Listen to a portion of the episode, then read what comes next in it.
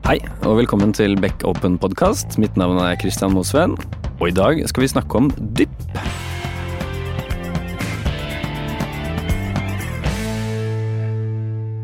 Ja, eh, i dag så har vi fått med oss eh, Frida der Drift Breivik Hei, hei. og Frøya Tue. Hallo. Dere er designere i eh, Beck. Helt ferske, fra, eller ikke helt ferske, da, men ganske ferske fra skolebenken. Ja, stemmer det. Og dere har eh, jobba Eller eh, masteroppgaven deres eh, dreide seg om noe som heter dypp. Eh, Hva er det for noe? Eh, dypp, eh, eller masseprosjektet vårt, da jobbet vi med hvordan man kan oppskalere tang- og tareindustrien i Norge. Eh, og så prøvde vi å identifisere hva er liksom hovedutfordringen i dag, og hvordan Hva kan man bruke tang til i fremtiden?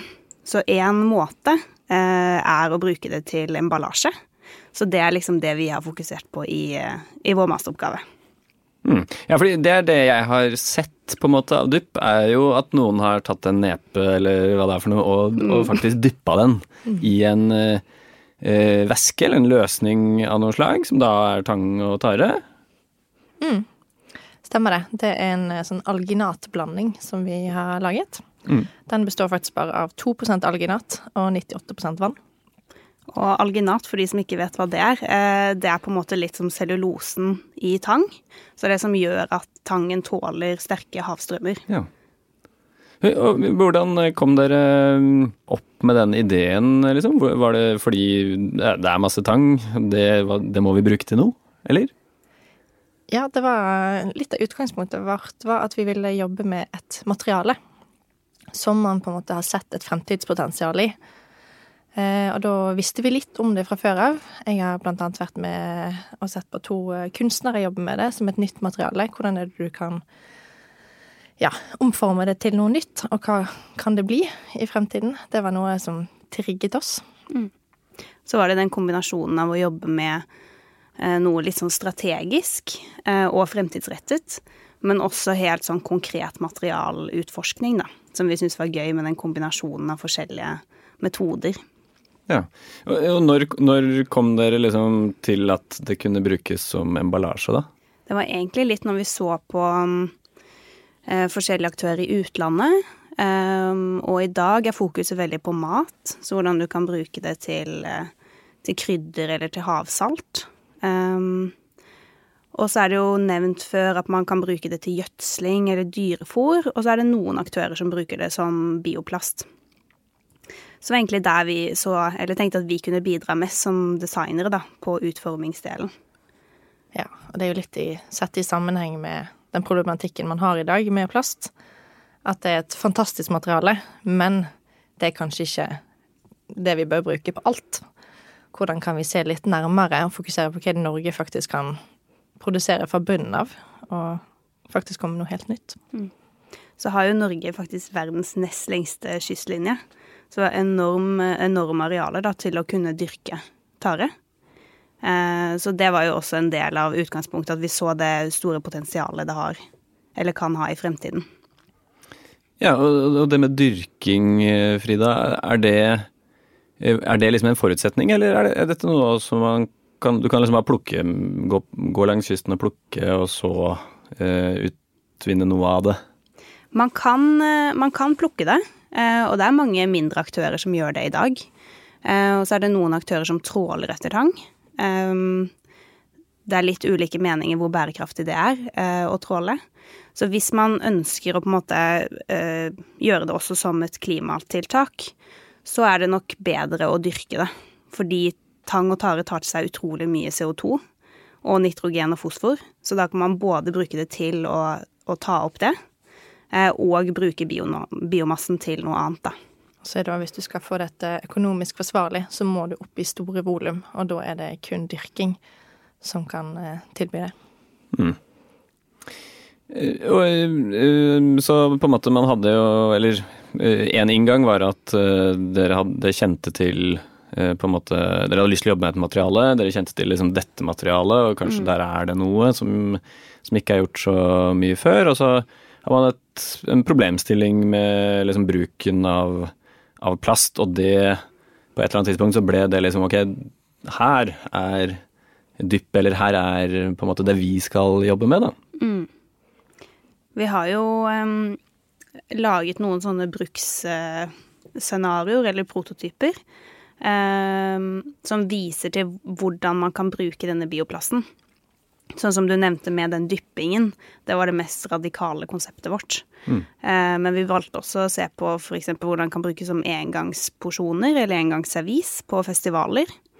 Eh, og hvordan man kan bruke komponenter i tangen, f.eks. som fosfor og nitrogen, til å gi næring til røtter i en blomsterpotte, da, eller en urtepotte.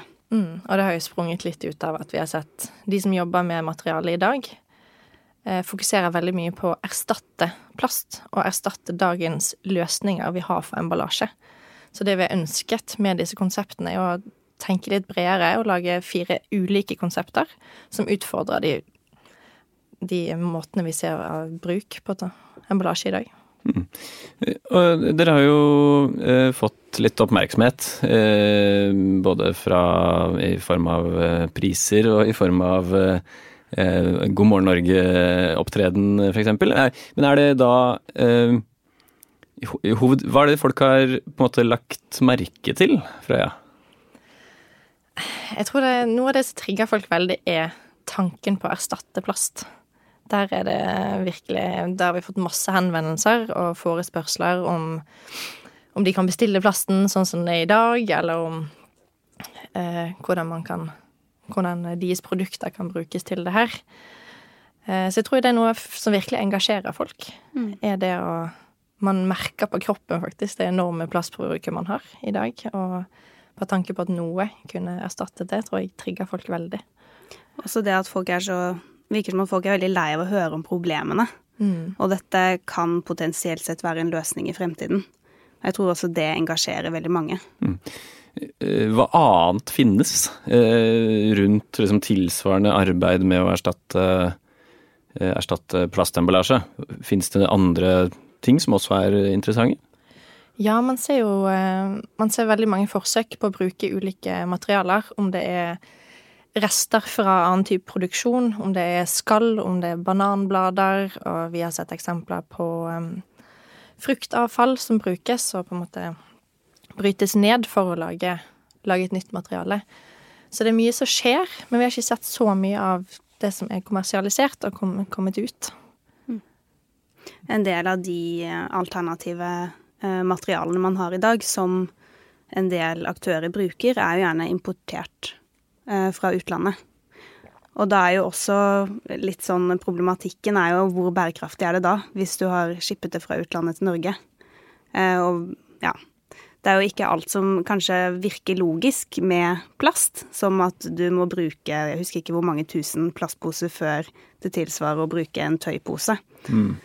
Så det er jo en veldig kompleks problemstilling, dette med plast og plast på mat. Så det er veldig mye man må ta inn over seg for å faktisk finne ut om det er bedre. Eh, hva ville liksom vært de neste stegene for å, eh, for å liksom prøve det ut? Hvordan prøver man ut noe sånt? Hvordan finner man ut at det er bedre? Ja, det er jo på en måte å forstå hele syklusen, da. Både fra råmateriale, bruk og hvor det, hvor det har mest effekt, da, i forhold til plast. Og selvfølgelig eh, avfallshåndteringen til slutt. Hvordan er det det enten blir ny energi, eller det går tilbake igjen til til havet, egentlig. Mm. Så hadde jo også veien videre vært å sett, uh, gjøre mer kontrollerte forsøk, hvor man sjekker effekten med f.eks. en rødbet som er pakket inn i, uh, i plastikk, og så en som er uten, og så en som har alginat på seg. Og se hva slags effekt det faktisk har i kjøleskapet, utenfor kjøleskapet. Sånne type forsøk hadde vært veldig interessant å se uh, hvor mye effekt det har. Mm. Hvis vi skal liksom snakke om noe litt eh, annet, da. Men dere er, jo, dere er, jo, designere. Dere jobber jo liksom Det dere gjør dag til dag, er jo på digitale flater. Hvordan, hvordan liksom Hva er forskjellene og hva er likhetene mellom det å designe et, eh, en webløsning versus å jobbe med dette? Altså, jeg tror det, det koker ned til at det er et behov der ute om det er Altså, det, det ene er at man må ha emballasje på mat. Det øker leve, levetiden. Det sørger for uh, matsikkerhet, hygiene, Det er på en måte noe vi må ha, på samme måte som vi har blitt vant til, eller vi til slutt må ha digitale løsninger. Og det må man på en måte prøve å gjøre så optimalt som mulig for folk. Og hele tiden tenke nytt. Og henge med i den utviklingen som skjer. Så er det jo bare ulike former for kreativitet, da, om det er digitalt eller fysisk, mm. tenker jeg. Så det er en del uh, likheter. Ja. ja. En sånn oppfølging til det, Frida. Um, Eh, altså, nåtiden er jo prega av eh, mye problemer. Du var så vidt inne på det i stad, at man er liksom lei av å, å, høre om alt som ikke er så bra. Eh, miljøproblemet er liksom et av vår tids største problemer. Og sånn veldig generelt, hva, hvordan kan designere eh, være med på å løse eh, nåtidens problemer? Det er et veldig stort spørsmål. um, jeg tror det var vel noen som sa at, design, at eh, det å være designer er verdens farligste yrke. Um, for det er veldig mye, i hvert fall i produktdesign, da, handler veldig mye av formgivningen om egentlig hvor bærekraftig eller lite bærekraftig produktet blir. Um, og jeg tror at en del, i hvert fall i produktdesign, handler om at man lager løsninger som kan gjenvinnes eller brukes på nytt. Um, bruke materialer som er mer bærekraftige. Og så tror jeg at uh, hvis man tenker mer sånn bærekraft og mer mot teknologi, så kommer det kanskje til å ha mye å si hvordan serverkapasitet og Jeg kan ikke nok om dette, jeg bare vet at det kommer til å, kommer til å bety mye etter hvert, da. Hvordan man lagrer dataen og, og sånne ting. Mm. Eh, jeg, jeg, har jo også sett uh, uh, Kanskje eksempelet jeg har sett er for vann. Altså vannmangelen rundt omkring i verden har jeg jo sett eksempler på at blir forklart med visualiseringer, da. Som jo ikke er liksom Det er ikke design-design, kanskje, men det å designe på en måte kommunikasjonen rundt problemstillingene, som jo kanskje også er et sånn liksom generelt problem med miljøproblemet også, at det er, liksom, det er vanskelig å forklare. Så der tenker jeg også at hvis man klarer å hjelpe til med å liksom vise frem problemet, så er det bra. Mm, absolutt, og jeg tror den visualiseringen er enormt viktig. Det går jo på en måte på eksisterende løsninger, det å visualisere og bruke de verktøyene man har for å gjøre ting forståelig, er liksom det ene aspektet, men det å kunne visualisere hva noe kan bli, det inspirerer jo folk voldsomt. Og det tror jeg kan være en viktig del i midt i denne utviklingen her, at folk klarer å se litt for seg at dette kan faktisk bli noe av det som er illustrert nå. Hmm. Vi jobbet jo, En del av masteroppgaven var jo denne kartleggingsbiten også, hvor vi jobbet med et uh, kjempestort veikart som vi lagde som en stor visualisering da, av disse stegene mot fremtiden. Og vi merket jo også at det engasjerte veldig mange av de forskerne vi snakket med.